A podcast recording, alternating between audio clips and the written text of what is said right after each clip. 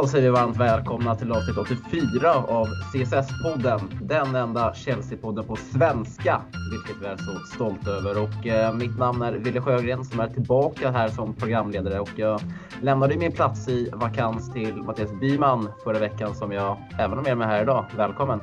Ja, men tack ska du ha. Det känns eh, ändå bra att vara tillbaka på eh, den rätta sidan. Du är ju ändå den givne programledaren i denna podd. Så att eh, åter till eh, det normala så att säga. Ja, jag, satt ju och, jag satt ju och klippte i avsnittet efter, i efterhand där när ni hade spelat in och eh, ja, fick lyssna lite på det bortklippta materialet där ni i pauserna. Gav mig lite pikar här och var. ja, men det hör väl lite till. Då ska du bara veta hur det lät innan vi startade programmet. Vi brukar alltid sitta och prata en 10 minuter, en kvart som vi även har gjort idag här och eh, det har ju slängts en hel del käft och speciellt är det ju jag som som vanligt åker på lite pikar och sådär för att jag är lite äldre än er två. Men eh, det, så ska det väl vara. Mm, jag blev lite misstänksam där att det inte fanns någonting innan ni verkligen drog igång avsnittet. Eh, jag misstänkte att det var lite skit. Kevin, vill du avslöja vad det var för någonting?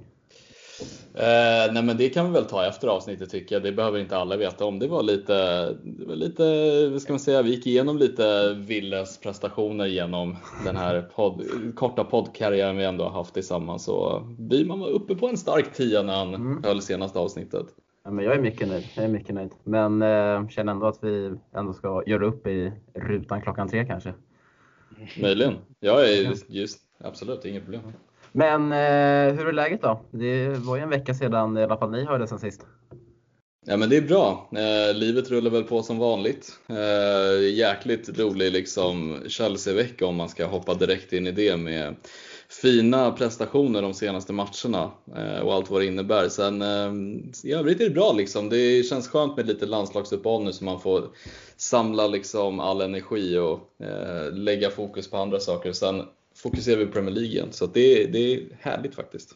Ja, två fina prestationer senast. Jag minns du Kevin eh, att du var lite förbryllad över alla som skrev att Chelsea gjorde en bra prestation mot Krasnodar borta då vi vann med 4-0. Mm. Ehm, tycker att de här två senaste matcherna att det har sett bättre ut?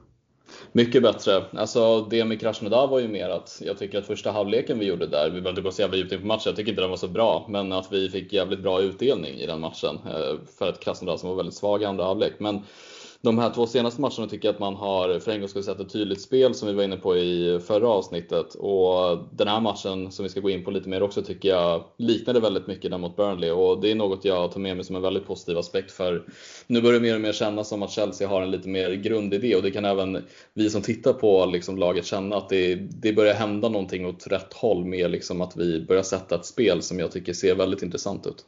Mm, jag håller med. Eh, men eh, hur är läget med dig då eh, Mattias? Du har ju varit och kollat hörseln idag. Ja precis, jag har lite problem med, med högerörat. Farbrorn. Men annars är det bra. Jag har skurit upp lite ost här och hällt upp ett glas vin för att kunna njuta till max här när vi poddar. Och, eh, jag är ju inne fortfarande, det går in i den tredje månaden nu med hård träning och eh, lite mindre kost. Så att eh, jag tuggar på. Dricker du vin och äter ost? Jo, men jag är inte, jo, men jag är inte sån här, jag är inte sån här klassiker som, som ska käka ägg och dricka proteinshake. Jag, jag skär ju bara ner på liksom godis och chips och sånt skit och så dricker jag bara vin och äter ost istället. Så att eh, jag, kör, jag kör en liten annan diet. Och det, det har ju lönat sig. Det är 8 kilo ner nu och eh, lite muskler och sådär. Så att eh, ja, känns, känns bra.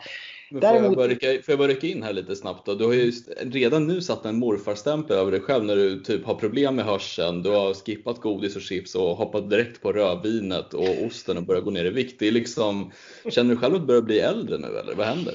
Är det okej okay, Mattias? Snarare tvärtom. Jag har aldrig varit snyggare faktiskt. Eh, så jag känner mig som en ganska fräsch, eh, fräsch medelålders man. Det är väl bara din sambo som säger det va?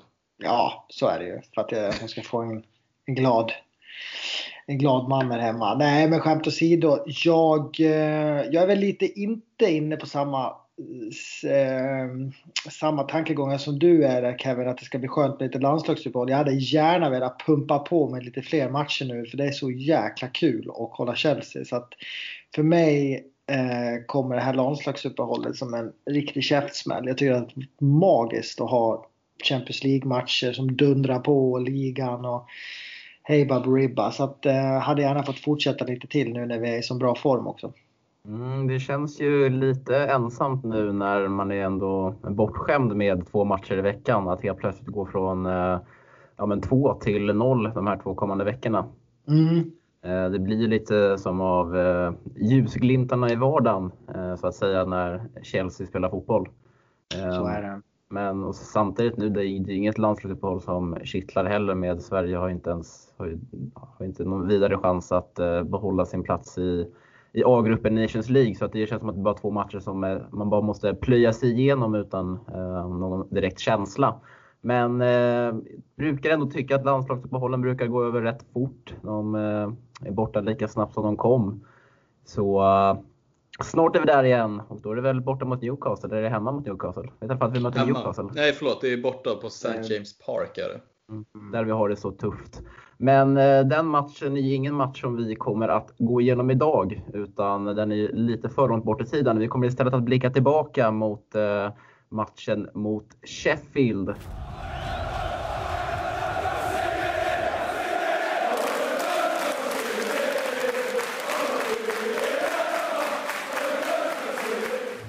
Vi tänker att vi kastar oss in där direkt för det är mest det vi har på dagens agenda där vi plockat ut lite punkter från den matchen. Och eh, min spontana känsla både innan och efter den här matchen var att eh, den här trepoängaren den är så otroligt viktig att eh, gå in i med inför landslagsuppehållet för att verkligen haka på i toppstriden inför vintern. Och sen innan matchen så kände jag någonting i mig utan att jag ens kollade upp det var att Chelsea brukar, det känns som att man ofta går på landslagsuppehåll med Chelsea med en negativ känsla. Men äntligen fick man det lite positivt Kevin. Verkligen så är det ju och jag tycker du säger det väldigt bra liksom att vi går in med en jävligt skön känsla och om man liksom tar den här matchen så tycker jag liksom att vi kontrollerar ju 80 minuter av 90. Jag tycker vi hade 10 minuter i början där Sheffield pressade högt och fick utdelning i en hörnvariant som man ändå får ge kudos till. Jag tycker det var väldigt bra genomfört av Sheffield. Sen tycker jag vi totalt dominerar matchen och det, det är någonting lite utöver det vanliga att vi gör numera de här två senaste matcherna verkligen bra 90 minuter, 90 minuter matcher. Eh, ibland har det liksom varit kanske några segment under matcherna som har sett jättefina ut, men nu har vi verkligen kontrollerat matcherna, vi har fått dem dit de vi har velat, vi har fått utdelning i mål också. Och, eh, det känns som liksom laget är verkligen på, på rätt spår och börjar bli lite mer sammanspelta. Och det är väl det här man har suttit och sagt liksom, ge det tid, det kommer. Och det känns som att det börjar hända grejer nu som man kan se. Och det är som Mattias sa i inledningen av avsnittet, man vill ju bara se mer och mer. Så att såklart, landslagsuppehållet kommer lägligt, eller olägligt. Men det som är bra tycker jag att vi kan få tillbaka några skadade spelare. Varav jag tycker att det är ändå rätt bra att det är, ja, vad blir det, två veckors vila så att vi hinner få alla spelare friska. Mm. Eh, jag hoppas verkligen att den här formen håller i sig för att eh, det blev ju ingen torsk eh, mellan de här två landslagsuppehållen. Det var ett par kryss men majoriteten vinster. Och man minns ju från i fjolårssäsongen att Chelsea var ju väldigt starka under oktober månad. Det var väl då vi gick en 6-7 raka i ligan utan att förlora. Ehm, och det är bara att hoppas att de bygger vidare på den här trenden och att vi får tillbaka fler spelare som du säger Kevin. Men Mattias, mm. McGoldrick, han gör mål på oss igen. Det är det enda laget han gör mål på. Vad hände? Ja, jag trodde faktiskt på att vi skulle hålla en nolla till, men icke sa icke. Det är ju ett jävla skitmål egentligen. Den är ju, det är ju lite flyt. Det är ju några... Det är ju framförallt den Vad ska man säga, assisten. För han försöker ju säkerligen skjuta där och så, så står McGoldrick där och trycker dit den. Men eh, jag ska, vi ska inte klaga på något försvarsspel utan eh, vi, vi, vi käkar upp det där målet och eh, glömmer det tycker jag. Det, det såg ju återigen riktigt bra ut. Eh, så att eh, jag tycker inte vi ska hänga någon eller, eller, eller så för att vi släppte in ett mål nu utan det kommer ju hända igen och jag tycker vi gör en väldigt stabil insats bakåt men absolut, eh, men jag syftar på att jag blir ändå fascinerad av eh, McGoleys statistik för att i fjol så hade han ju ett mål, eller han hade expected goals på 8,72. Gjorde bara två mål och båda de målen kom mot Chelsea. Jaha, eh, ja, det hade jag faktiskt inte det var ju helt, helt, gal, helt galna, alltså hur mycket han missade i fjol och sen eh, när de möter Chelsea så gör han helt, helt plötsligt två. Och den här McGoldrick-effekten verkar ju hålla i sig eh, mot de Kungsblå. Men jag håller med att det var ju lite flax, men samtidigt var ändå förspelet, eh, eller uppbyggnaden till det målet var ju väldigt eh, skickligt eh, genomfört från Sheffield som Kevin var inne på. Eh, och eh, man, det var lite olyckligt där att eh, Edouard Mendy inte fick eh, fortsätta sin fina svit med eh, hållna nollor. Och en spelare som vi har flaggat väldigt mycket här i CSS-podden som vi inte har förstått varför att han inte får spela var ju Kovacic som kom in istället för Kai Havertz som eh, har eh, drabbats av coronaviruset. Kevin, vad säger du om Kovacics insats? Eh, alltså jag har skrivit nja på Kovacic och det tycker jag fortfarande att jag håller fast vid. Jag tycker att han, han fick ju chansen mot Krasnodar och gjorde det inte jättebra. Eh, sen så fick han inte chansen mot Burley men fick det numera mot eh, Sheffield och jag tyckte också att det var en ja-insats. Jag tycker att det var en helt okej okay genomförd första halvlek där han bland annat spelade fram Abraham till, till eh, 1-1 målet. Också en väldigt bra boll där som han fick att löpa på. Bra liksom att ha ögonen i nacken och hitta den passningen. Sen tycker jag att han, han ser lite slarvig ut. Eh, jag tycker att han ehm, han har väl en liten Kanté light säsong tycker jag. Den har varit lite in och ut ur startelvan, skadad. Den är lite ryckig och eh, han har inte riktigt fått den här kontinu kontinuiteten. Jag tror att det kommer bli svårt sen också när vi har hittat liksom att Kai Havertz och Mason Mount funkar tillsammans på in i mittfältet med Kanté bakom.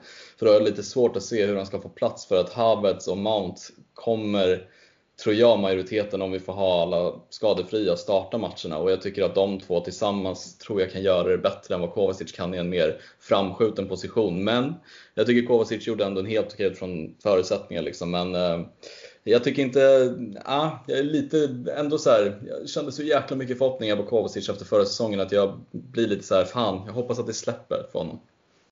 Mm, alltså jag satt lite och tänkte på under matchen eh, att eh, det blir lite, så, lite tudelat för man vill ju så gärna gärna ha eh, Kanté på planen. Men fan när vi spelar den här 4-3-3 med två lite mer offensiva åttor och en sittande mittfältare så passar fan inte Kovacic lite bättre den rollen än vad N'Golo Kanté gör Mattias? Ja, det blir ju framförallt ett annat spel. Eh, Kanté kanske är lite mer brytningssäker och eh, springer över lite större ytor men, men jag tror att faktiskt att i det långa loppet så är det ju en mer sittande som typ Kovacic kan vara. Tror jag som Lampard söker. Det är väl därför han är så mån om att få in eh, Rice här i januari eller till nästa sommar. För då blir det ju ett annat typ av av 4-3-3. Med det sagt så tycker jag att Angolo Kanté ändå, ändå gör det väldigt bra i den här rollen. Jag tycker ju mer om honom i den här rollen än, än de rollerna han haft senaste tiden i Chelsea. Så att, eh, men det beror ju på lite hur man vill ha spelet. Eh, jag kan tycka att Kanté har väl kanske inte riktigt den foten heller. Kan vi ha tre spelare på, på det, det centrala fältet som faktiskt kan eh, transportera boll och spela framåt så blir det ju ett eh, helt annat hot. Nu kan man ju stänga av Mount och om det nu är Havertz som spelar där så kan man låta N'Golo Kanté sköta upp spelen så, så har man ju vunnit mycket som motståndare till oss. Så att, eh, vi får väl se hur, hur Lampard väljer att disponera men just nu tror jag att det är N'Golo Kanté som, som kommer spela där. Mm, för jag tycker att eh, Chelsea var lite tröga i uppspelarna framförallt i början av första halvlek när Kanté droppade, droppade mellan Kurt Zoom och eh, Thiago Silva och eh, det blev också att han droppade ner och sen var det ut med boll igen till någon i mittbacken och vi fick inte igång något egentligt spel. Men sen är, ju, är han ju fantastiskt fin i den rollen när väl Chelsea tappar bollen på offensiv planhalva plan och, återvin och eller återerövrar den bollen. Eh, men det känns som att det tar lite för mycket från våra uppspel i en match där vi ska vara bollförande? Eller ja, vad säger ni? Ja, men det är lite som du, det, jag tror att det är bra liksom och det har vi ju i en klubb som, som Chelsea att man måste ju ha lite alternativ där och det kanske är en Golo Kanté som ska spela mot de lite bättre lagen när vi behöver lite mer defensivt eh, hjälp och eh, mot ett lag som typ Sheffield hemma, ja, då kanske inte att det är en Golo Kanté som ska spela där utan då kanske det är Kovacic eller i förlängningen en, en Declan Rice eller vem det nu kan vara. Men då vill man nog ha tre spelare som faktiskt kan eh, sköta uppspelen och transportera upp bollen. Det är som du säger, det, det blir lite det blir lite, blir lite segt och lite för, lite för slarvigt när en Golo Kanté ska sköta upp spelen. Vad du säger Kevin? Lika in. Nej, men jag, ja, nej, men jag satt och reflekterade lite över det att uh, jag, är, jag är inne på ert spår också att Kanté kommer ju liksom aldrig bli den här defensiva uppspelspunkten som en Declan Rice kan vara eller som Jorginho har försökt vara. Uh, sen vette fan om jag tycker att Kovacic hade varit så mycket bättre i den defensiva rollen med tanke på att han spelade lite i den defensiva rollen under Sarri och jag tycker att många gånger så var han inte bra i den rollen men det kan ju också ha varit för att hans första säsong generellt inte kanske var den absolut bästa. Eh, men jag tycker liksom det vi har just nu så tycker jag att Kanté ska gå före tills vi har fått in den komponenten som kanske är bäst lämpad för den rollen, vilket är Declan Rice i slutändan som Lampard ja, vill ha som vi har varit inne på. Eh, men, eh, nej, men i övrigt så liksom, det, jag tycker Wille summerar väldigt bra att liksom mot eller om det var Mattias, att mot, mot sämre lag så tror jag att det är väldigt bra att ha en spelförande defensiv mittfältare, Kovacic eller Jorginho och kanske i ett svårare motstånd en, en Kanté som eh, är stabilare.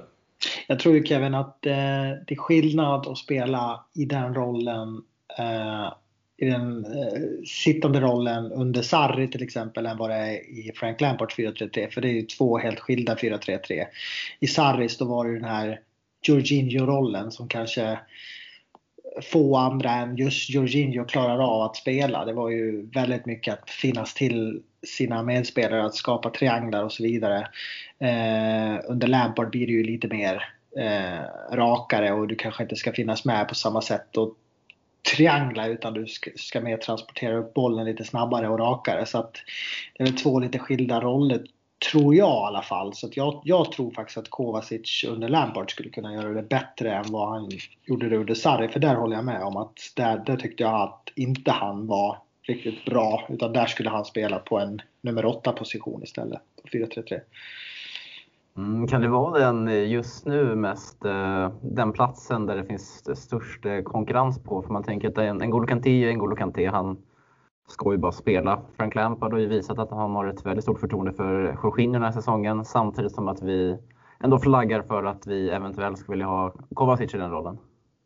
Ja, nej men så är det ju absolut och jag tror konkurrens, konkurrens, det handlar väl om att hitta liksom rätt komponent på den här planen för att Lampard har ju hittat liksom vilka han vill spela i offensiv med. Han har ju Werner, Abraham i liksom en kantroll och en eh, strikerroll. Eller så varierar med Pulisic och har kanske Ziyech på högerkanten. Så där har han liksom hittat på något sätt ett, ett, en fungerande trio medan det är på innermittfältet som det är lite fortfarande frågetecken. Vill vi spela 4-2-3? Ska vi fortsätta med 4-3? Vilka spelar på liksom innermittfältet då? Då är det ju liksom de spelarna vi är inne på.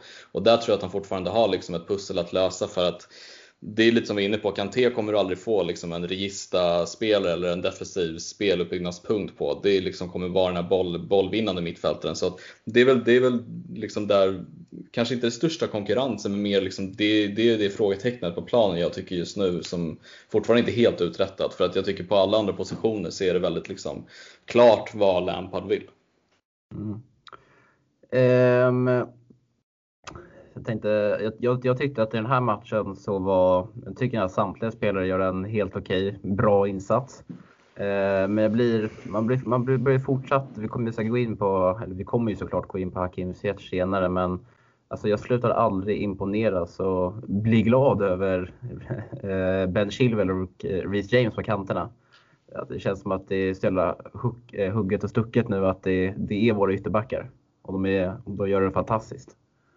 Ja, de är mm. grymma eh, defensivt och offensivt tycker jag. Och eh, det känns eh, som jag säger två unga engelska killar som, som verkligen tar för sig och som dessutom bara kommer bli bättre och bättre. Och, eh, Chilwell vet vi hade höjder i sig från Leicester men eh, att han var så här bra eh, redan nu liksom. Det, det har eh, det kanske är ett tecken också på att vi alla som tvivlade på på Chilwell och hans prissumma och skrek efter Tagliafico och Alex Tejes och sådär. Vi kanske ska börja liksom lita på Chelseas scouting och vilka spelare Frank Lampard verkligen vill ha för att eh, värvningen av Chilwell har ju verkligen fallit ut till 100%. Eh, shit vad bra han har varit och eh, och Reece James också eh, bara växer och växer för varje match. Och det är nog perfekt att ha Aspilicueta där också som jag tror är en perfekt mentor som aldrig, aldrig gnäller. Finner, hinner sig att vara liksom lite andra fiol nu och spela lite Champions League-matcher och växla in Reece James. Så att eh, nej, det är eh, verkligen grymma tider på ytterbackspositionerna som vi har saknat det.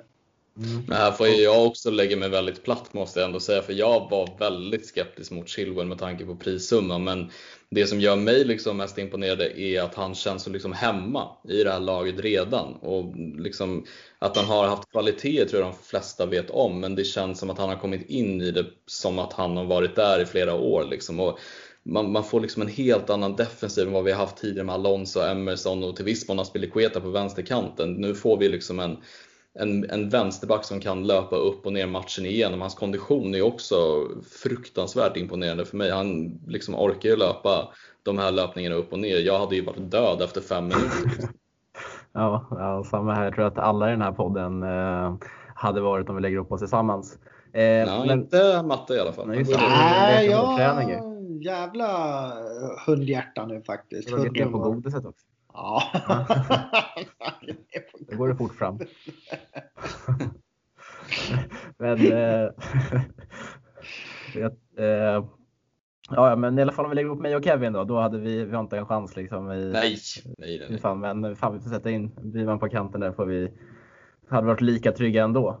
Eh, men vi, vi har ju ställt oss eh, frågan väldigt många gånger och, eh, och undrat vad den röda tråden är i Frank Lampard Chelsea och eh, för om man ser till de senaste matcherna så känns det verkligen att vi har hittat det längs kanterna där eh, Ben Chilwell och Reece James är högst involverade. För att de har, båda två har fantastiska inläggsfötter. Eh, bra offensivt, bra defensivt. De kan eh, ta sig in centralt, hitta ytan mellan mittback och ytterback. Och det känns som att det är, det är ut mot de två som Chelsea söker sig till i anfallen.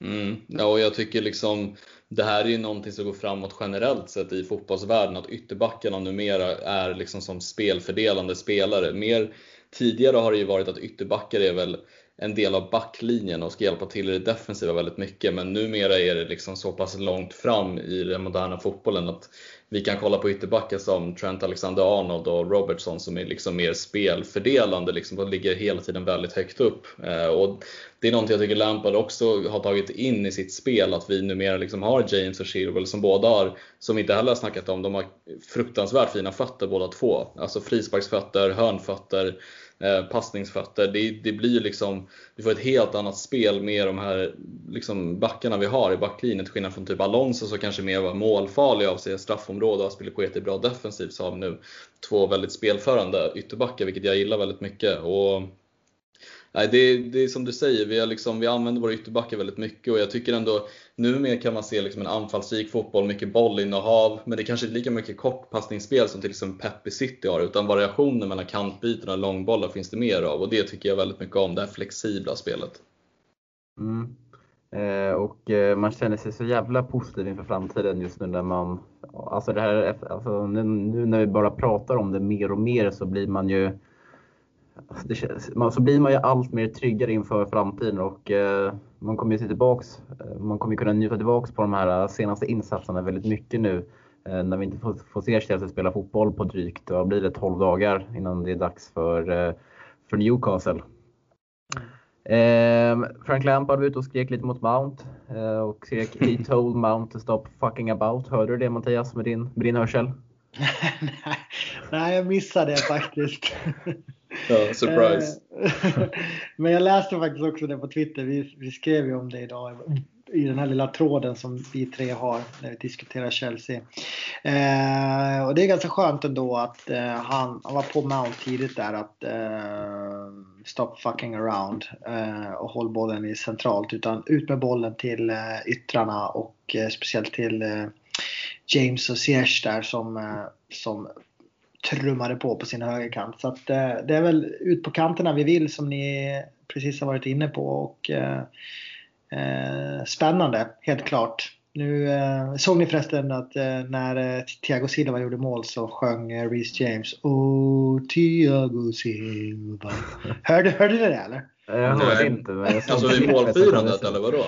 Ja, precis när de gick ihop i ringen. Det finns en filmklipp där han går fram och så, så när de kramas i höger då sjunger han Oh, Tiago Silva. Ja, det där gillar man ju ändå. Ja, det är fint. Det känns som det är så jävla god stämning i laget. Det känns som att alla verkligen gillar varandra. Förutom då kanske ja, Andreas Krisk.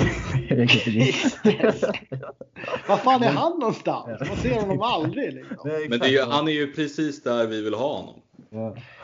Jag ser så här, alla är så glada på sociala medier, men det är fan inte ett ljud från Christensen. ingen skriver om honom, han skriver inte uh, någonting själv eller lägger ut någonting. Han Nej, känns helt, som... helt bortglömd. Liksom. Det, det är ju som, det är liksom alla så här fotar ju typ varandra i typ omklädningsrum och på Cobham och så här också. Det är alltid så här gäng, men jag, jag har inte sett Christensen på flera veckor. Grabbar, det är lugnt. Jag går och tränar lite själv i gymmet. Vi hörs. Ja, precis. ja, men det, känns, eh, det känns också som att eh, alla typ ser upp till Thiago Silva väldigt mycket också. Det är mycket så här Thiago Silva på sociala medier och de är inne och likar och skriver om honom. Så här. Jag tror att det är är en spelare som många har liksom, för nu är många kändisar som är väldigt unga som har liksom kanske växt upp till och med med eh, Thiago Silva som, man, som eh, väldigt många har gjort med Frank Lampard. Och, och, och, att nu få liksom spela med honom och han är så på sån hög nivå fortfarande och, och alla känner väl det att fasiken vilken skillnad det har blivit där bak och, och vilken, vilken ledare han är liksom nu när han har kommit in i truppen också så att äh, det är vilken spelare. Alltså det bara ställer sig lite här ni är bara, jag förstår det. Jag, jag hör det på den tonen då på rösten just nu att eh, nu mår du liksom, nu mår du bra. Ja, ja. Vi vill inte veta vad som händer när den här poddinspelningen är slut. det är rödtjutet. Men, men eh, ska vi ta den diskussionen nu när vi ändå in och snuddar lite vid den? För eh, Thiago Silva, vi kan ju bara nämna för att det var hans första mål i Chelsea. Eller var det första? Ja, första mål i Chelsea. Första målet. Ja, där han knorrade in på ett inspel från Hakim Ziyech. Men han får ju bära binden nu när både Aspilicueta och Jorginho, Jogge, inte startar. Och eh, vad tycker ni om det? Personligen så tycker jag även, hur mycket vi än hyllar honom, så tycker jag ändå att det inte känns sådär jättebra att en eh, spelare kommer in direkt och tar över binden i, i Chelsea FC. Eller vad jag säger ni? Jag har skrivit alltså fel. Eh, jag tycker att det spelar ingen roll vilken ledare Thiago Silva är eller hur bra prestation han har gjort. I min bok så ska, om nu inte Jorginho och Aspilicueta spelar, så tycker jag att det är Kanté som ska vara våra kapten på planen. Jag tycker det sänder ut konstiga signaler också till laget med att N'Golo är en spelare som kan i alla fall på något sätt mäta sig i dignitet med Thiago Silva med rutin, vad de har varit med om, vilka mästerskap de har vunnit och hur länge Kanté har spelat i klubben till skillnad från Thiago Silva så tycker jag att det ska vara givet i min bok att Kanté är eh, kapten på planen. Jag tycker det var Alltså det reagerade på direkt när eh, Thiago Silva gjorde sin debut mot West Bromwich, att han kommer ut med bilden och, bilden och Kanté är på planen. Um, och jag vet inte, för mig, för mig är det fel i, alltså i min bok. Sen fattar jag liksom beslutet och varför man ger till Thiago Silva utan att ens gå in på det så mycket med tanke på vem han är som person. Men det jag tycker det sänder ut konstiga signaler att man inte väljer Kanté som har varit i klubben ändå i, vad är det, fyra år nästan. Jag tycker det är skumt. Mm, jag, var, jag var ju väldigt, väldigt skeptisk till att Thiago Silva fick till lagkaptensbindeln där i första matchen mot, mot VBA och eh, tyckte också att det liksom sände ut fel signaler. Nu börjar jag Eh, ändå liksom fundera på om det kanske faktiskt är rätt framöver. Jag tror ju att N'Golo Kanté faktiskt kanske inte ens vill vara kapten.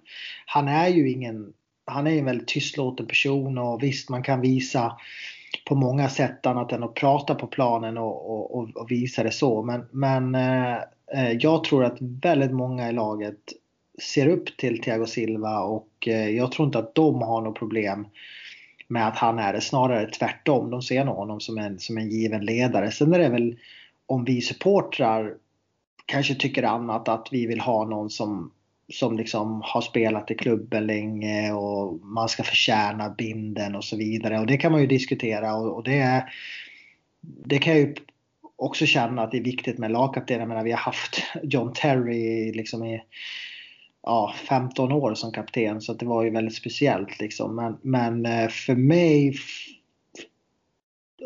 jag kan nog nästan se Thiago Silva mer gärna som en kapten än vad jag ser Jorginho faktiskt. För att jag tycker inte att han heller är ett kaptensmaterial. Då tycker jag nästan om man ska se till vem som bidrar på planen så är det nog Thiago Silva mer än vad Jorginho gör. Så att i, framtiden i framtiden så måste vi såklart hitta en långsiktig kapten som spelar vecka ut och vecka in. Men just nu har vi ju inte riktigt det och då börjar det faktiskt svänga lite för mig. Att jag kan tycka att det är okej okay, faktiskt. Jag tror det. Ja, i brist på andra alternativ, kanske, men mm. jag vet inte. Alltså, alltså Aspelekueta är ju den egentliga kaptenen. Alltså, han är ju kapten för klubben Chelsea medan det känns mer som när inte han spelar så är eh, Thiago Silva den tillfälliga kaptenen ja, på precis. planen. Men eh, jag vet inte, det smakar ändå lite illa i min mun för att eh, jag vill ändå se en kapten i Chelsea för man är ju så jävla bortskämd med, eh, som du var inne på där, John Terry. Och eh, som du säger, det kanske är svårt att hitta någon sådan i dagens Chelsea just nu. Men, eh, och eh, jag gillar ju Thiago Silva som fan, men alltså för mig så är, det liksom, är han inte kaptensmaterial ännu, för då vill jag ha någon, någon som börjar brinna för Chelsea. Den, den kan Chelsea, den, kan, den har varit i Chelsea ett tag, den vet hur det fungerar. Den är... Det är ja, vilken, vilken är alltså, det då? Vilken är det då? Alltså det är ju Aspelekueta just nu i dagens trupp. Och eh, det är liksom nu när jag, inte han spelar då? Nej exakt, jag köper det du säger. Jag köper, jag köper ju också varför Thiago Silva är eh, lagkapten, men personligen så gillar jag det inte. Det är bara Nej, det är ju inte jag heller. Det är ju inte jag heller. Men om man får liksom, om man om, om vi plockar bort det att man själv inte gillar det, för det gör inte jag heller. Jag vill ju ha en, en John Terry där liksom. Men det finns ju ingen John Terry i dagsläget. Och om nu N'Golo Kanté förmodligen har ju kanske avsagt sig den eller gett den till Thiago Silva eller vad vet jag. Men jag ser ju hellre Thiago Silva som kapten än Jorginho och när inte Aspelkueta spelar då, då, då tycker jag faktiskt att, för att spelarna verkar verkligen älska Thiago Silva och, och se upp till honom så att det kanske är en bra lösning i år. Eh, lika mm. som att lösningen är väldigt kortsiktig med Thiago Silva överlag som spelare också. Han kommer kanske, kanske förlänga ett år till, vi får se. Men, men det är en kortsiktig lösning. Det smakar ju illa i ett supporterhjärta, absolut. För att man vill ha en, en, en, en klubbikon där. Men, men den klubbikonen kommer likt laget gör nu få växa fram. Och jag tror att inom två år så har vi ju någon av våra egna spelare där. Det tror jag. Men, men det jag tycker är lite konstigt och varför jag tycker att N'Golo är en mer, i alla fall för mig, den kandidat på planen. Oavsett vad, jag, jag tror inte till skillnad från dig Mattias att N'Golo skulle gå till Lampard och bara nej men jag vill inte ha binda, ge den till Thiago. Jag tror inte det är någonting sånt. Jag tror det väl mer handlar om att Lampard har kanske så här, velat lite om vem det är han vill ska vara kapten. För att Thiago Silva var kapten mot West Bromwich. Det, vi såg hur det gick i den matchen för honom, han tappade bollen och så vidare. Eh, sen var det någon situation i en matchen efter eller matchen efter det eller något sånt där Thiago Silva var på planen, Jorginho och Aspilicueta var inte på planen. Då blev det en N'Golo Kanté, eller Kanté som var kapten i den matchen framför Thiago Silva och sen har det slutat med att Thiago Silva har binden nu till sist. Och det tycker jag ändå är lite så konstigt och ett tecken på att han kanske har varit så här, men är Ingolo ledaren eller inte och så vidare. Men jag tycker att så här, det spelar ingen roll eh, egna produkter eller inte. Om det är så att man inte tycker Ingolo är en ledare, då ska man ge det till någon av de egna produkterna oavsett om de är unga eller inte. Då spelar det inte någon roll för mig. Om man har varit i klubben som Reece James eller Abraham i liksom, ja, hur många år som helst, ja, då ge det till dem. De, de är ordinarie i Chelsea, de spelar Premier League vecka in och vecka ut. Jag tror att de är mogna nog att leda laget då i sådana fall. Om man nu inte vill ge den till en Golo Kanté, för jag tycker det är konstigt att ge den till en spelare som kom till klubben för tre månader sedan. Mm. Eh, lite, lite den linjen som jag också är inne på. Eh, för det är ändå den som har binden på planen också. Det är den som den som representerar Chelsea FC på, på planen liksom och är eh, vårt ansikte utåt i specifikt just den matchen.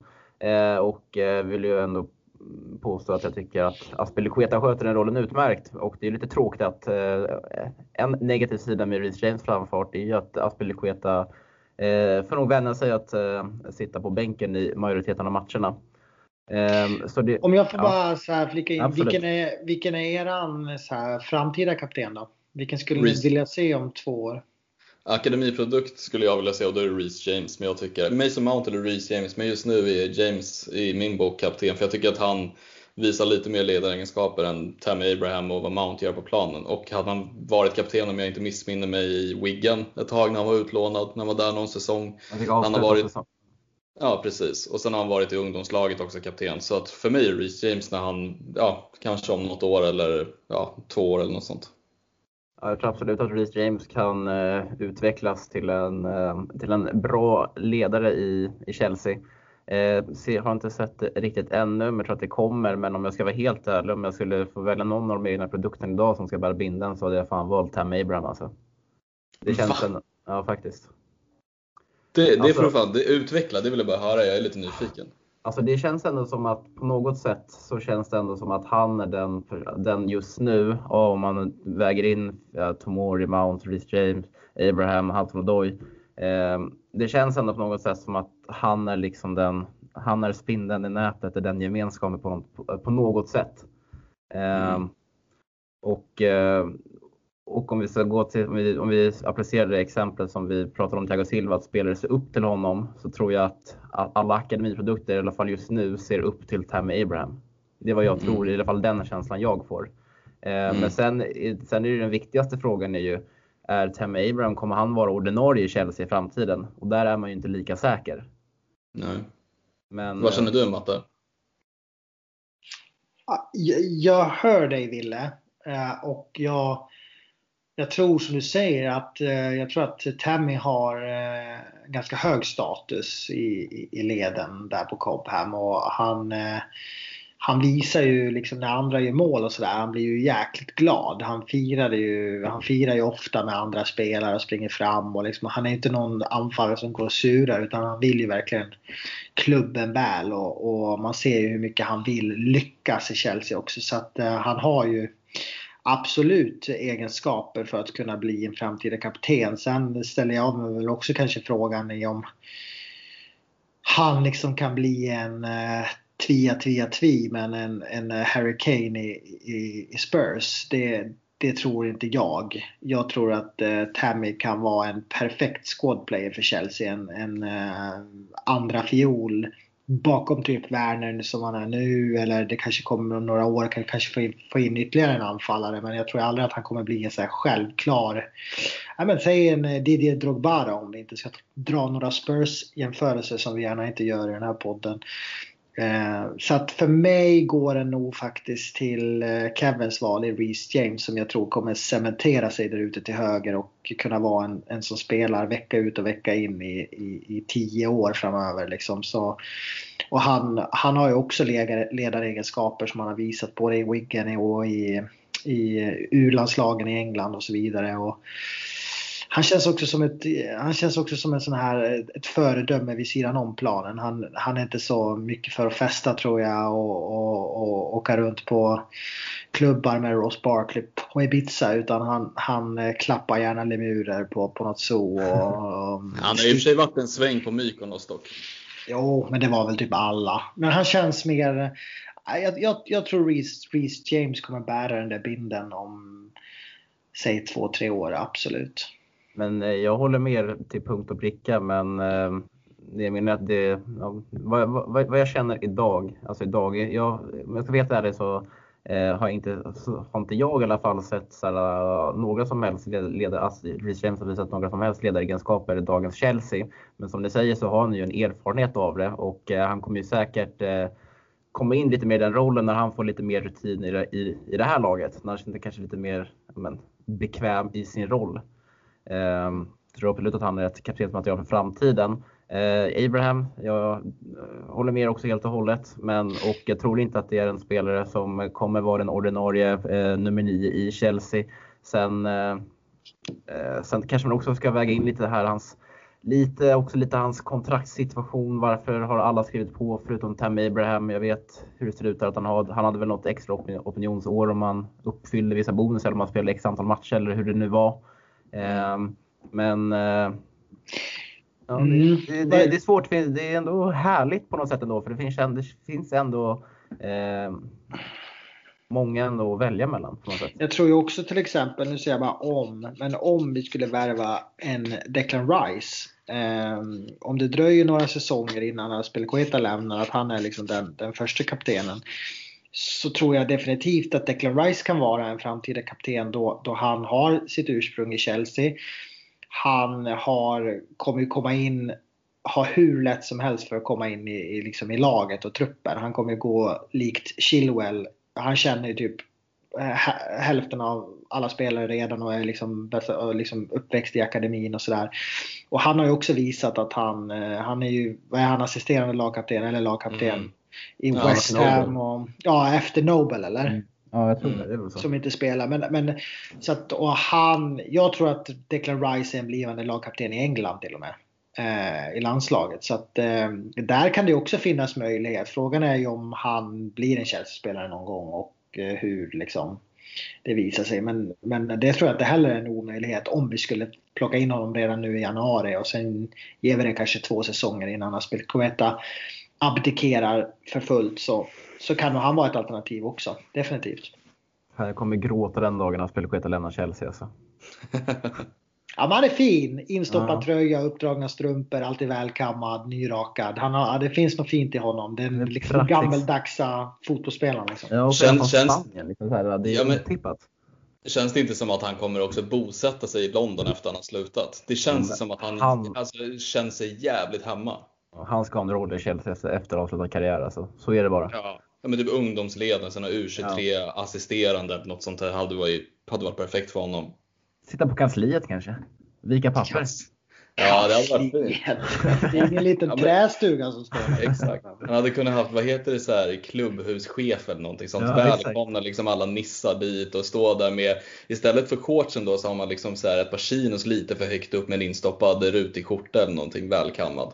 Mm. Men är inte, om vi bara, nu känns det som vi svävar iväg, svävar jättelångt, men det känns ändå okej. Okay. Men alltså, de, nu, nu, nu tänker jag inte så långt, men de, av två eh, icke-engelsmän känns inte liksom Aspelkueta och Didier Drogba de typ två främsta, eller de två bästa ambassadörerna för Chelsea? Hmm.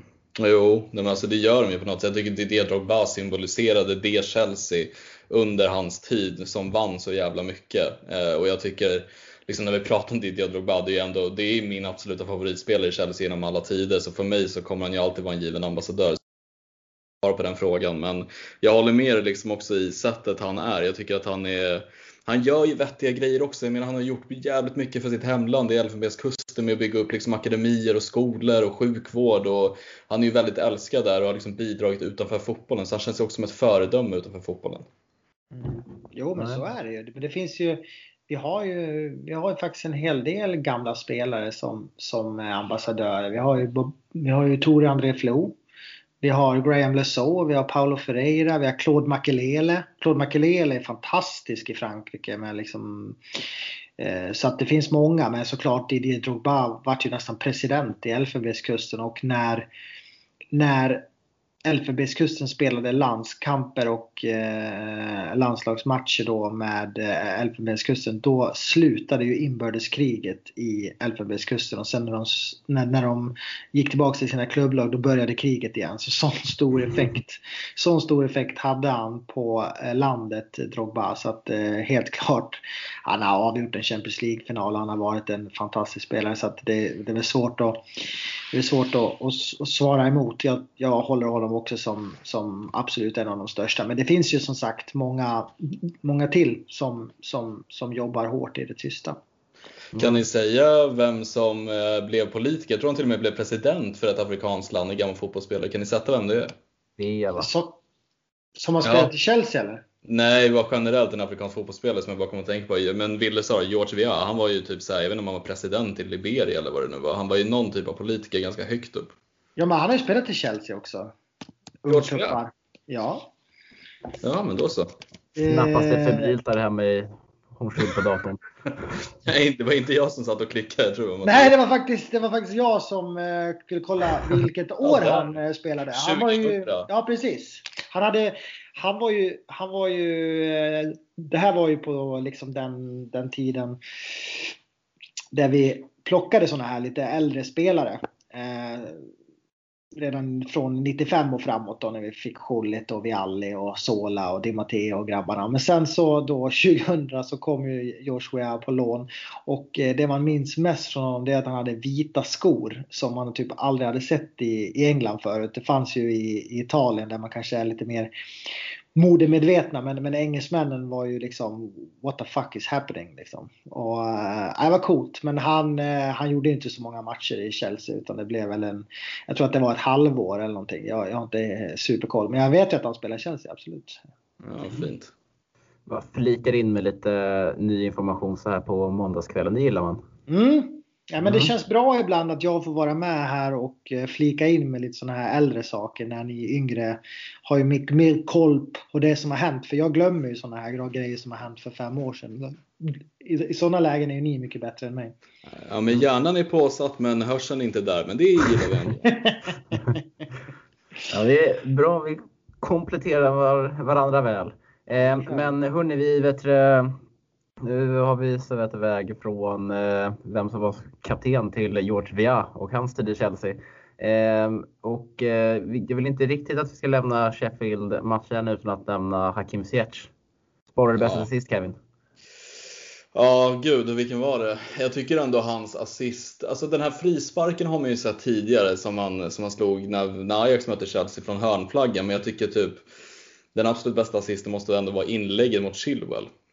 Jag tycker liksom att det är, det är liksom någonting som är så olikt att se i Chelsea från förra säsongen. Vi har ju inte haft någon som har dragit en, ett, liksom, ett inlägg från typ så här, vad kan det ha varit, 15 meter utanför straffområdet, sätter den liksom på Chilwells kropp. Ganska svårt läge för målvakten och försvara att göra någonting. Det, för mig var det i alla fall matchens assist. Sen så ska ju egentligen alltså fler spelare i laget gjort mål på Hakims passning. Han skulle ju haft 3-4 poäng den här matchen vi hade varit mer effektiva. Men nej, han, eh, hans vänsterfot, den är, kan det vara topp 3 i ligan kanske?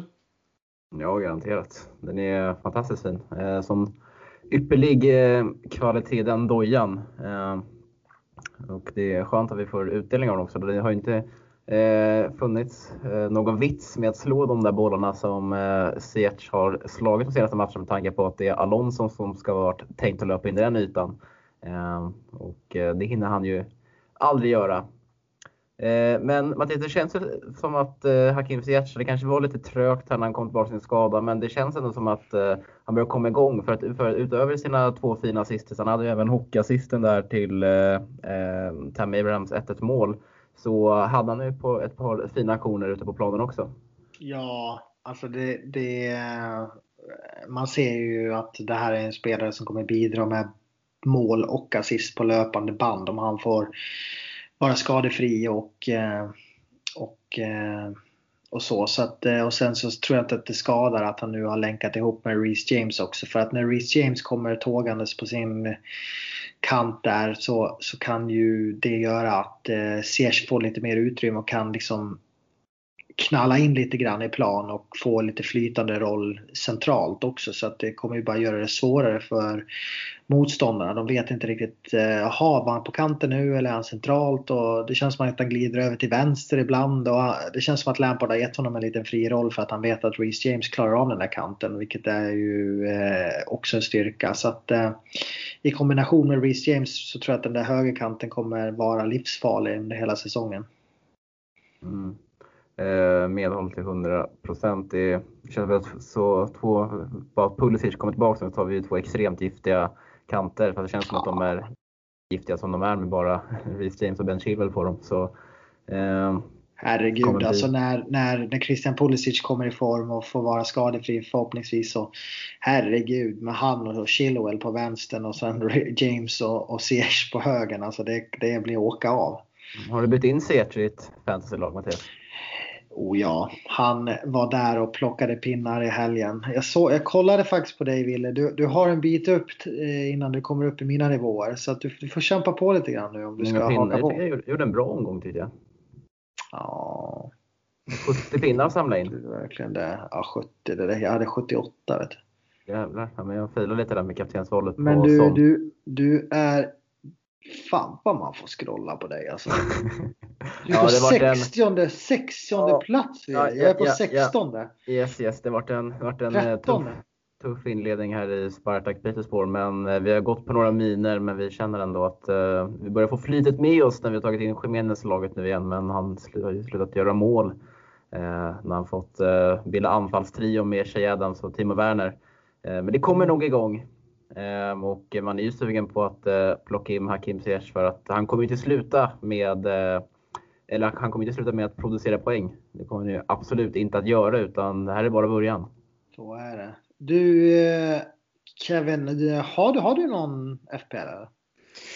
Nej, jag har fortfarande fotboll, fotboll manager. Jag har inte valt att gå med i någon FPL. Jag fattar, fattar, fattar, fattar. Det är, det är ju jäkligt så... roligt faktiskt för att det är ändå 157 spelare här så att eh, vi kanske ska lyfta första platsinnehavare Pontus Möller, tvåa Wilhelm Nätsjö och trea Oliver Hedin som gör det riktigt bra.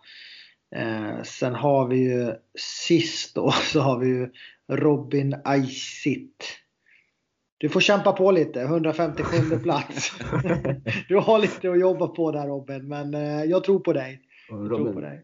Du eh, uppskattar att du, du kommenterar jättemycket och är väldigt aktiv i CSS-gruppen. Men kan skifta lite fokus nu mot eh, fantasylaget kanske. Ja, vi kör vidare.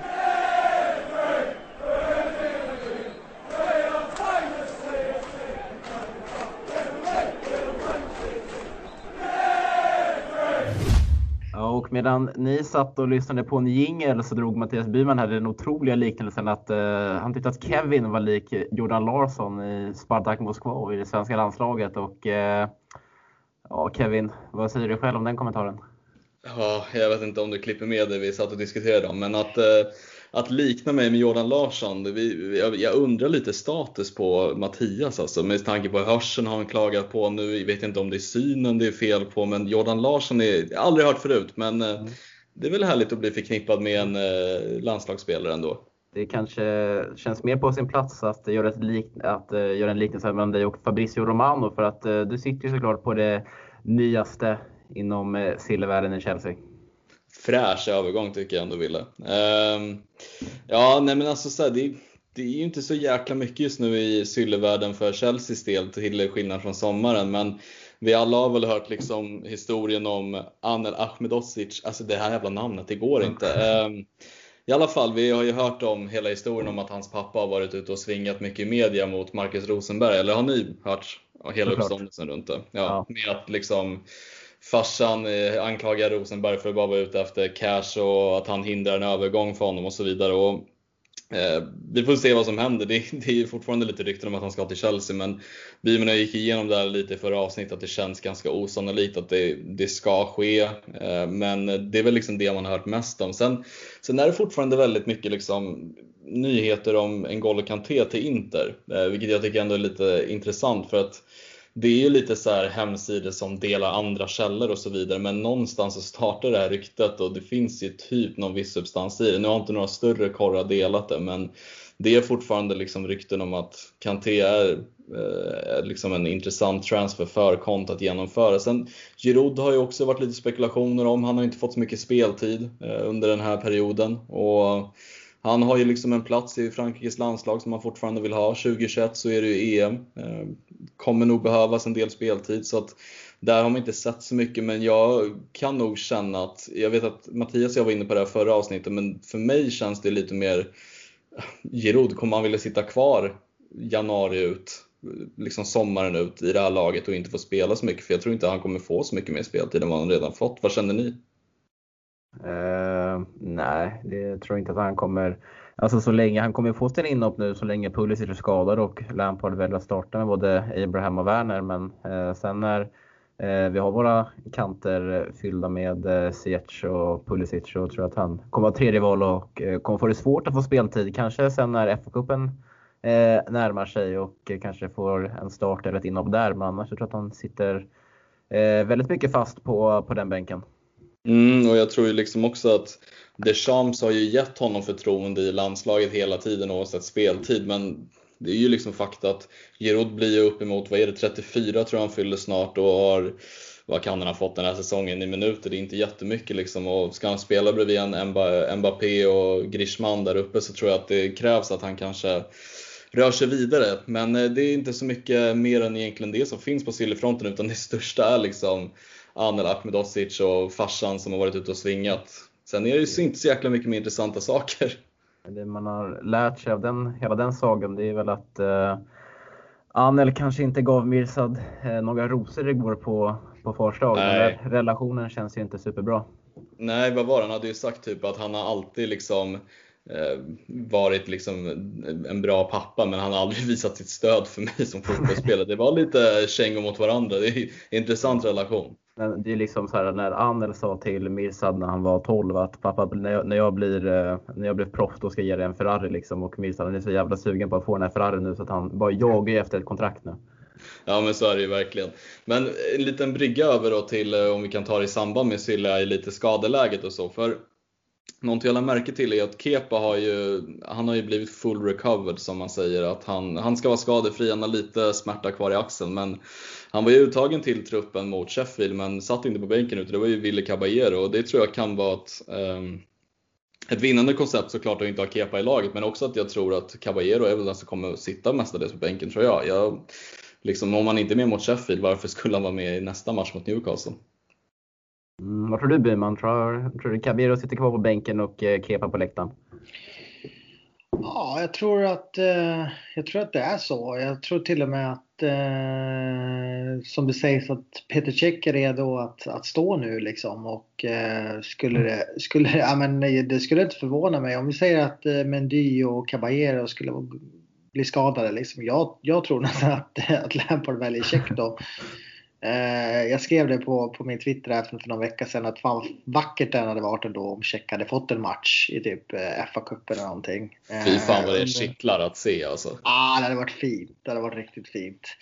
Så att nej, jag tror att Kepa är på väg och jag tror inte att nu när Tjeck faktiskt tränar och uttalad tredje, fjärde målvakt och men det är ju storspelar så att eh, jag tror att vi söker ett lån eller en försäljning på, till eh, i, redan i januari för Kepa. Det hade varit fint om man hade kunnat fått en utlåning Kepa och eh, kanske liksom presterat eh, mm. men i Spanien någonting sådär så att vi faktiskt kunde kunde sälja honom i sommar till ett eh, lite bättre pris än vad vi skulle få om, om han eh, blir kvar i klubben och sen ska vi sälja honom i sommar. Så att eh, får vi bara hoppas mm. för hans mm. egen skull och för hans marknadsvärdes skull att han hittar en klubb där han får stå och göra det bra under våren. Ja, han, alltså det känns som att eh, det kan ju eh, lätt röra på sig där i januari med tanke på att han lär vara extremt sugen på att spela EM till sommaren. Ja, mm. fan det är ju landslagsmålvakt i, i Spanien. Han står ju typ oftast. Han står ju... Han är ju i princip första keeper i Spanien. Vilket är helt sjukt. Så att eh, han, eh, han lär väl stå ganska högt upp i kurs i Spanien trots allt. Även fast han har varit så bedrövlig i Chelsea så, så, så tror jag att i sitt hemland så tror jag ändå att han, han kan vara attraktiv. För någon sån här klubb, eh, ja men säg Valencia, Sevilla, eh, jag vet inte, jag, jag kan inte så mycket spansk, spansk fotboll. Hur Bilbao de ser ut. skulle jag säga. Ja, har inte de, det är ju hans eh, hemmaklubb, men har inte de fått in någon så här bra keeper där? Alltså de har ju en yngling, nu kommer jag, jag vet inte om det var Alex Remiro eller vad fan heter han den andra? De har ju Simon eller någonting, Simon. Jo, Onay Simon tror jag han heter. Det är också någon så här, de har ju sina liksom akademi, ja ah, Simon. Ja, men de ja, det är fint sina... ändå. I Sevilla, det står ju ändå Bono. Det är ändå skönt. Ja, fint, fint namn. Eller Varslik på bänken, Tjecks ja. Eh, landslagskompis. Men, nej men ja, det är så lite som du säger, det är väl Spanien som är kanske hans destination. Liksom, och vi får väl se lite vilken klubb det blir och om det blir någon klubb. Men det jag ville komma med liksom, med Kepa också, skadefronten och det positiva i landslagsuppehållet är ju att Pulisic eh, förväntas ju vara tillbaka mot Newcastle. Havertz som har haft covid-19 har väl haft det väl typ sådär en, en vecka någonstans där och det är väl typ en och en halv, två veckor man brukar vara symptomfri efter ett tag så att möjligen att han kan vara tillbaka till Newcastle och sen så är ju någon som vi har glömt lite, Billy Gilmore, ska ju vara tillbaka snart. Det, Lampard sa för, jag tror att det är prick tre och en halv vecka sedan att eh, Gilmore behöver tre, fyra veckor på sig att komma tillbaka i full träning och vi är där nu. Så att eh, Gilmore kan man kanske förvänta sig få lite minuter i någon cupmatch skulle jag tänka mig också, eller något inhopp i ligan. Gilmore skulle ju kunna göra det, tror jag, jäkligt bra i eh, 4-3-3 i sitt, sittande roll. För där har du ju bra fötter plus att han är ja. en jävla, en terrier liksom. Som, som mm. även fast han är relativt eh, liten till, till, till växten så, så smäller han ju på och krigar. Så att, eh, det är kanske en blivande fin eh, sittande mittfältare. Regista. Ja. Ja men verkligen. Och en liten sista grej som ni kanske har missat. Såg ni att Danny Drinkwater och Baba Rahman spelade för U23-laget? Ja, overkligt. Alltså, alltså att de är kvar, det är ju helt sanslöst. Ja, helt sanslöst att de spelar. Det, jag bara såg det från någon korre som hade delat att de var med i elvan med Tino Anjorin och några andra ynglingar. Då huserar Danny Drinkwater där på mittfältet med kaptensbindeln. Vad fan gör han kvar? Alltså det är helt sjukt. Ni, eh, innan, vi, innan vi lämnar det här och, och, och går till nästa ämne så tänkte jag bara när vi pratar om lite skador och lite sådana grejer. Jag snappade upp en grej på, på, på Twitter idag att eh, eh, anledningen att eh, inte Hudson Odoi och Pikayo Tomori får så mycket speltid verkar ju typ vara för att de har ju brutit någon jävla coronaregel förra månaden och har fått sig en ordentlig hyvling av Lampard och eh, har nu liksom ursäktat sig till, till truppen och sådär för att eh, fått det sen officiellt. Så det, det kanske en anledning till att inte Hudson Odoi och Tomori faktiskt har figurerat så mycket i, i startelvan. För att de kanske helt enkelt har hamnat lite i, i eh, Lampards frysbox på grund av att de inte har skött reglerna. Mm. Mm. Har ni hört någonting om det? Ja, inte, ja. för fem öre, men det låter rimligt. Nej, nej men jag, nu, nu, när du säger det så scrollar jag förbi det på Twitter så att det kan absolut ligga någonting i det. Sen tror jag också liksom att laget har ju spelat väldigt bra. Det är ju svårt för dem också att ta sig in i startelva. Men jag tror mycket som du säger, det kan vara något bakomliggande också till varför det har varit väldigt få minuter på Hudson Odoi i matcher som vi ändå har lett med fyra bollar. Mm. Mm. Eh, jag vet inte om du nämnde det Kevin, men jag tror jag har tagit eh, eh del av, eller det känns som att det finns inget, eh, ingen substans eller inget konkret i det, men eh, Alaba har ju, ju skurit sig med eh, Bayern München där och det är väl många som kopplar ihop honom med en flytt till Chelsea. Ja, nej men så är det ju och det har det ju liksom vi har ju varit lite ute efter Alaba under liksom hela förra säsongen också när, när det redan då snackades om att det har skurit sig lite. Um, sen vet jag inte, det är, Alaba är ju alltså det är en populär spelare som jag tror att de flesta lag skulle nog vilja ha i sitt lag med tanke på kvaliteten på, på Alaba men också mångsidigheten. Sen så Ja, alltså det beror på lite hur man vill använda honom. Han är ju vänsterback i, liksom, tycker jag, i sin bästa position. Men han vill ju själv spela in i mittfältare. Det är väl mycket där det har skurit sig också i Bayern München, att han har fått spela mittback, vilket inte är hans riktiga position. Han är ju en mer, vad ska man säga, en löpstark mittfältare. Ehm, så jag vet inte riktigt hur man skulle få peta in honom i Chelsea, men det är ju en kvalitetsspelare. Absolut. Eh, och eh, så jävla långt är det inte kvar till januari så att eh, vi får se vilka som eh, kommer in och vilka som lämnar.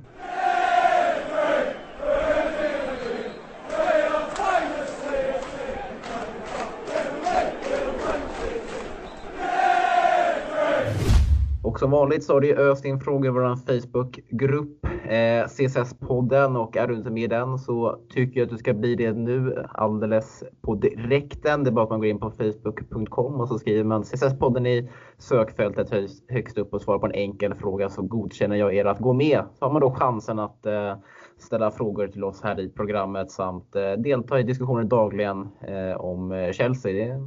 Har eh, klättrat över 500 medlemmars gränsen nu och ligger på 508 medlemmar som eh, ständigt bidrar till en, eh, ja, men oftast härlig miljö att befinna sig på som Chelsea-supporter på internet. Och om vi börjar med en fråga då från Albin Kristiansson.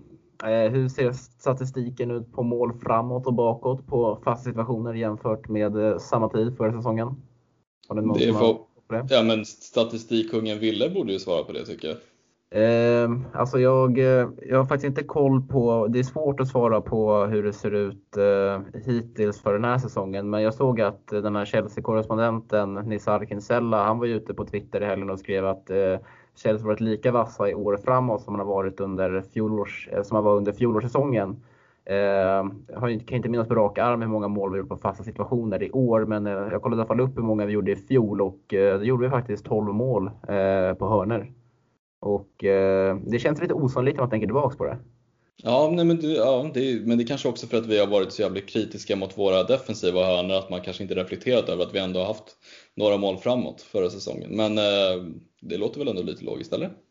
Ja, jag tycker ändå det. Eh, Rydiger hade ju två mot Leicester minns jag. Eh, sen vi har gjort det idag lite. Reece James mot Ajax där. Du har ju kommit på en hörna.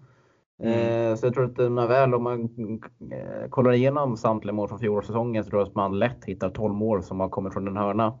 Eh, sen har ju verkligen framförallt eh, Thiago Zuma tänkte jag säga här nu, Kurt Zuma. Eh, Kurt Zuma har ju verkligen eh, eh blivit ett, eller har ju verkligen blivit ett hot nu på offensiva fasta så, och har gjort en del mål här den närmsta tiden. Så det känns som att det känns som att vi har fått ett riktigt lyft även fast vi kanske inte har fått det. Mm. Eh, status på Hudson Odoi och Tomori. Eh, det har vi avhandlat här precis nyligen och eh, så vi scrollar väl vidare här då till en fråga från eh, Martin Jangbrand.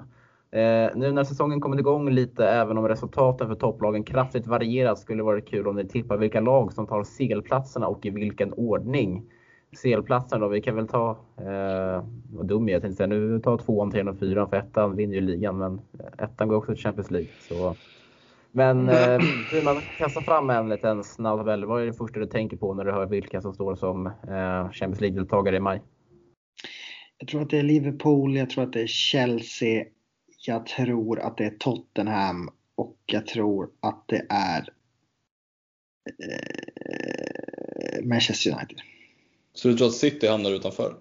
Ja, jag tror att de kommer floppa rejält och eh, ja, men jag tror faktiskt det. De eh, mm. är på väg mot en eh, riktig skitsäsong och jag tror inte Guardiola tränar City nästa säsong och eh, det känns lite som att han har gett upp och eh, man har liksom inte riktigt lyckats eh, få fart på, på laget nu när Agüero går, går sjukt mycket skadad. Jesus är inte liksom samma spelare. Sterling är iskall. Eh, man har liksom... Nej, det känns, det känns faktiskt som att eh, jag, jag tror att eh, jag tror att United kommer ta in eh, en ny tränare innan årsskiftet och eh, då tror jag de blir riktigt farliga för de har en ruskigt bra trupp. Eh, så att, eh, mm, jag tror, om jag bara får slänga in lite snabbt då. Jag har tagit eh, Liverpool som eh, serievinnare. Jag tror att Chelsea kommer ta andra platsen. Jag tror att City tar tredje platsen. Tottenham tar fjärde platsen och femte platsen United. Mm. Ja, jag, eh, jag tror inte att City missar i alla fall, men, men sen är jag inte så lika bombsäker på att Liverpool vinner ligan. Alltså för mig just nu så känns ligaplatserna eh, sjukt öppna. Ehm, och det känns som att det är många lag som kan, kan vara där och hugga och att vi har en väldigt intressant säsong framför oss. Ehm, men då tänker jag att jag tippar lite med eh, hjärtat just nu och då tar jag Chelsea som eh, eh, etta. Jag tar Liverpool som tvåa. Jag tar, jag tar City som trea och Tottenham fyra. Fan vad ni tror på City ja. Ja, men jag tror alltså de löser det. Alltså, de har för bra spelare för att, inte, för att hamna utanför topp 4. Det finns inte att de ja, inte gör det. Nej, exakt, och det håller jag med om. Dock har jag satt ner dem på en tredje plats för jag tror, lite som du Wiman, det sa jag också innan säsongen, att jag tror att Pep inte kommer träna laget efter den här säsongen. Eventuellt att han kanske, jag tror inte han kliver av under säsongen, men jag tror att det här är hans sista säsong som City-tränare. Jag tror också att han kan nog inte ta det här laget längre, uppenbarligen. Eh, man har vunnit ligan några gånger men inte tagit sig speciellt långt i Champions League och det är väl det i slutändan som räknas för klubben, att man vill vinna den där Champions League-titeln. Mm. Ja, jag, tycker, eh. jag tycker att eh, truppen inte är så bra som väldigt många tror. Ja, alltså De Bruyne, Sterling när han kommer igång, Mares, du har Ferran Torres. Alltså jag tycker ändå att det är jävligt Ferran Torres mellanmjölk alltså. Nej, det, ja, det känns som en spelare för framtiden i alla fall. Ja, mm. det motsätter jag mig starkt. Men eh, vi har ju olika åsikter, farbrorn. Mm. Ja, men det känns som att, ändå inne på det, för jag tycker inte deras backlinje är så jävla skrämmande Nej. och de känns som att de är väldigt, ändå väldigt beroende av, alltså om inte De Bruyne och Sterling funkar nu när Aguero, Aguero går skadad, då, tror jag, då finns det ingen andra, andra som kan lösa uppgiften. Men jag tror inte att det kommer vara någonting som kommer pågå under hela säsongen, utan jag tror ändå att när City väl kommer hitta formen så kommer de att köra. Men det kommer inte räcka hela vägen för att Chelsea kommer vara där, vara där före och eh, ta hem ligatiteln. Ja, bra, röv oss vidare. Ja. Eh, Eh, Balder Sörensen, känns som att ni har fått en förklaring på varför inte Kovacic spelar så mycket. Han verkar småskadad för tillfället. Låt honom komma i form till december när det är matcher var tredje dag. Eh, håller ni med? Ska man avvakta lite med Kovacic och vänta tills han blir helt hundra och sedan matcha innan lite hårdare? Eh, ja, men jag håller med om det. Jag tycker ju, som jag var inne på att han har fått en liten stökig säsong med lite så här ojämn nivå, skada och skador och så vidare. Så jag tycker att kanske inte vila honom, men mer liksom få honom lite som en N'Golo Kanté, träna upp honom liksom, så att han håller sig skadefri någon vecka i alla fall och få in honom lite, lite mer lugnare så tror jag att det kanske bär frukt lite mer. Mm.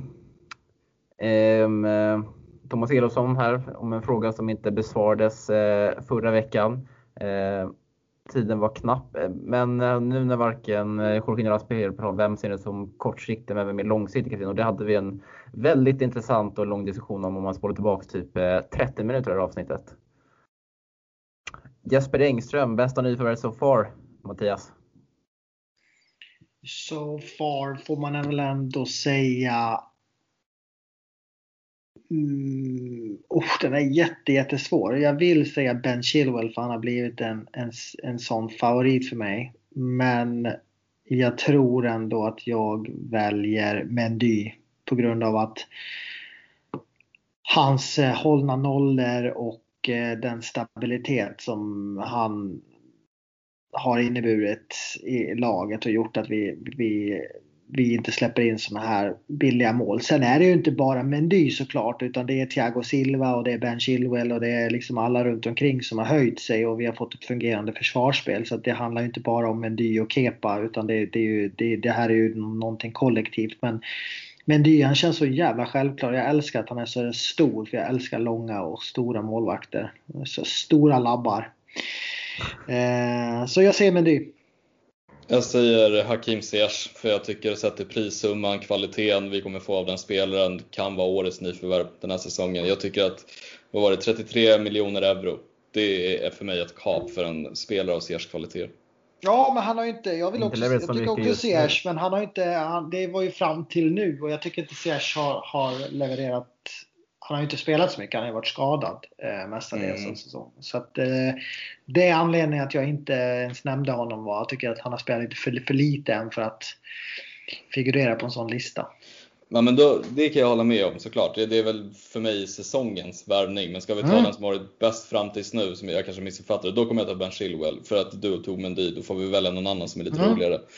Och Ben Chilwell tycker jag liksom, vi får en helt annan försvarsspelare i honom. Det är en kombo av Marcos Alonso och Ashley Cole i samma kropp. Liksom, med offensiv som är sjukt fin att se och en defensiv som är också väldigt bra att se. Han är otroligt duktig. Um, ja, men då får väl jag sticka ut hakan och säga Anthony Berry då. Uh, att han har varit sjukt, sjukt bra samarbete där med Jody Morris och Joe Edwards. Uh, I alla fall jag som har rätt, väldigt bra insyn i klubben liksom, så vet jag att den här framgången som eh, det är Anthony Barrys förtjänst. Så får väl säga honom. Nej men... Eh, fan, vilket, vilket jävla villemål. Nej, jag, jag är helt ute och skojar. Såklart han vill vara unik. Ja, det var unik. Nej men eh, det var lite en eh, bara pita för att Kevin inte vill vara tråkig och ta Mendy och tog en Chilwell istället. Och jag har ju också både Mendy och Chilwell här som jag sitter och velar mellan. Så, eh, jag eh, landar nog ändå i... Ah, fan, jag, jag har lite Ben Chilwell lite högre än Mendy. För det känns... Ja, alltså Mendy har varit, eh, det har varit en rejäl uppgradering. Alltså det är den största uppgraderingen eh, sett till nyförvärv tycker jag. Eh, men jag tycker att eh, jag är helt såld på Ben Chilwell och tycker han gjort det fantastiskt här inledningsvis. Mm. Nej, men jag, jag, jag, jag sa ju det, han, han har varit fantastisk. Så att, eh, två mot en, men jag har ingenting emot att vi säger Ben Chilwell. Mm.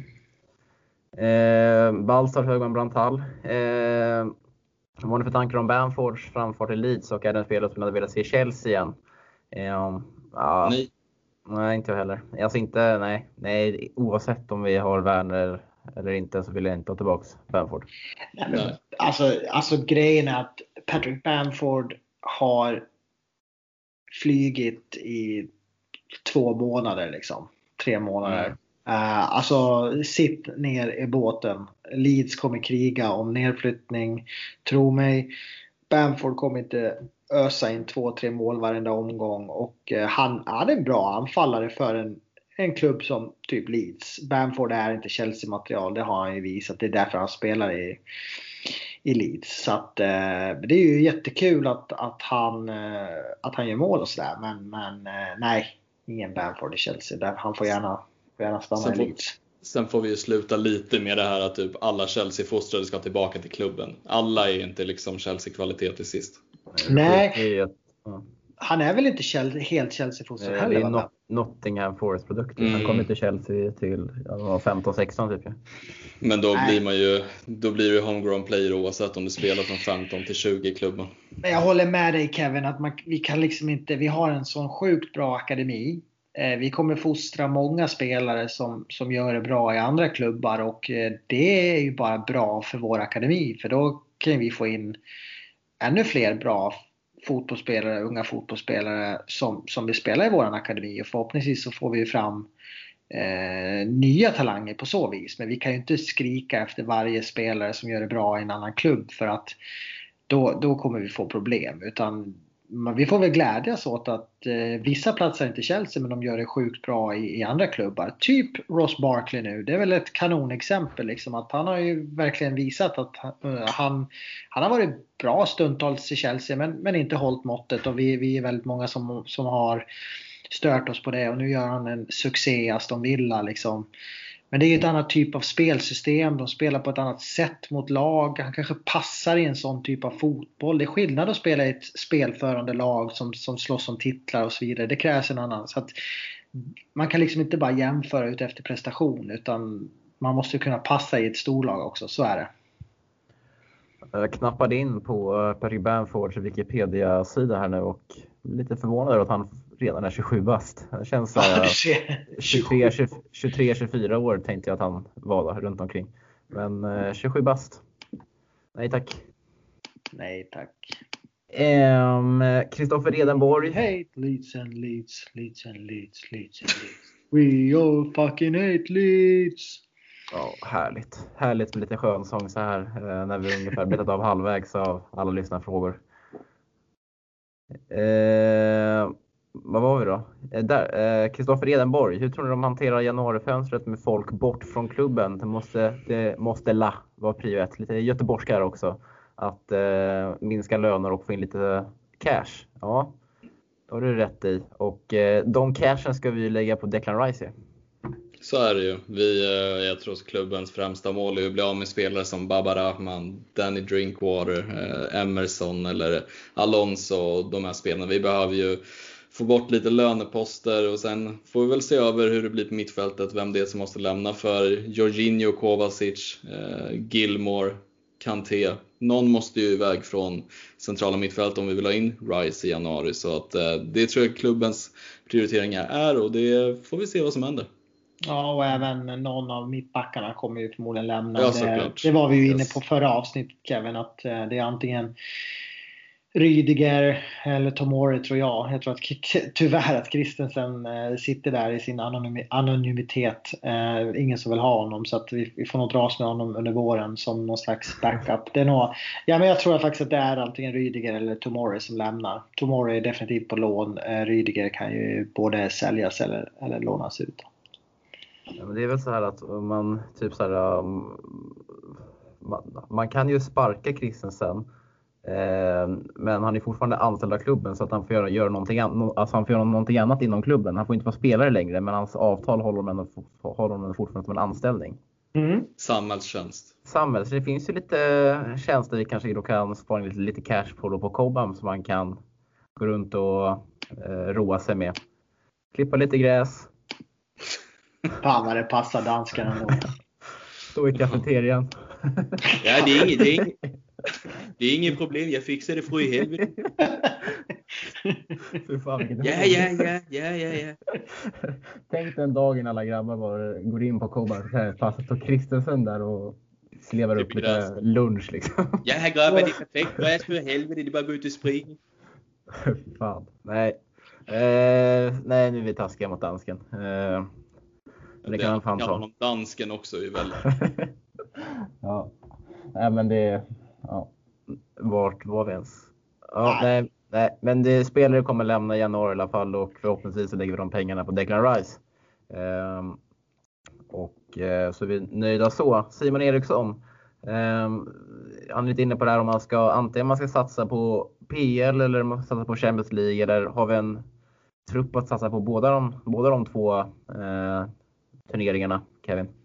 Absolut. Eh, det tycker jag verkligen att vi har. Vi har ju bredd överallt på vår plan. Vi har nästan för mycket bredd. Så att det finns ingen liksom ursäkt till att vi inte ska satsa i både CL och PL. Sen har vi väl realistiska mål vart vi tror att vi kan vart vi kan placera oss liksom i ligan och hur långt vi kan ta oss i Champions League. Men vi har ju definitivt truppen för att liksom tävla i alla turneringar tycker jag i alla fall. Och jag säger inte att det är ett krav, men det hade ju varit jävligt kul och en bonus att kanske få liksom någon typ av kupptitel eller eventuellt fighta som ligan så långt det går på något sätt. För man vill ju se lite framgång nu när vi har så mycket bredd och bra spelare.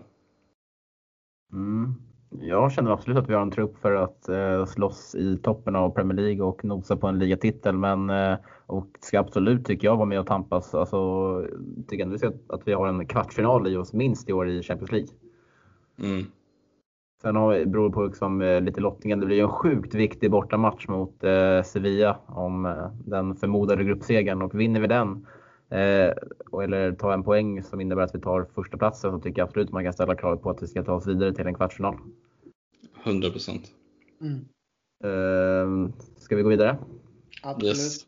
Den här kanske är lite rolig också. En ny fråga från Albin Kristiansson. Han som inledde den här frågestunden får, eh, ja, han får avsluta den också.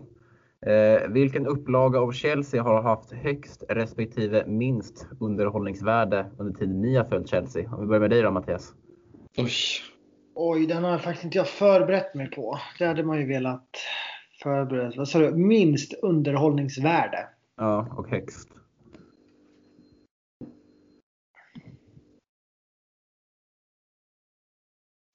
Högst Alltså den under... minst är högst, rätt enkelt att svara på egentligen. Alltså. Det alltså jag tror väl alla, du kanske har sträckt sig lite längre tillbaka i tiden Mattias, men Kevin du och jag kanske är i alla fall eniga om att säsongen 15-16 var inte så jävla rolig. Nej, det var, det var den ju absolut inte. Men jag satt och försökte tänka lite så här längre tillbaka, men man landar väl ändå i så här 15-16 säsongen, absolut.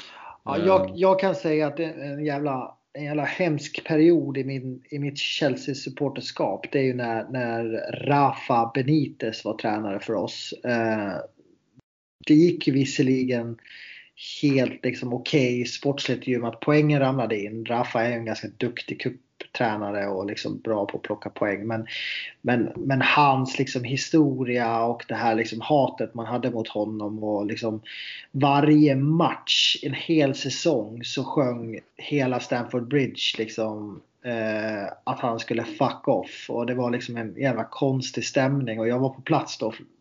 Tre, fyra matcher tror jag det var.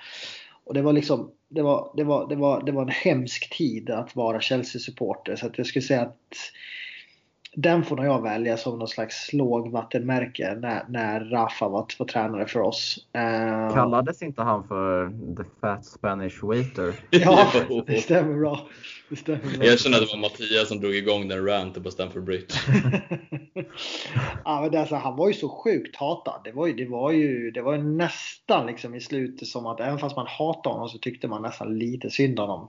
Det var någon slags konstig känsla för att han skulle bara inte vara där. Det var en sån konstig utnämning av tränare så att nej, eh, det, var, det, det, var en pers. Eh, Match made in hell.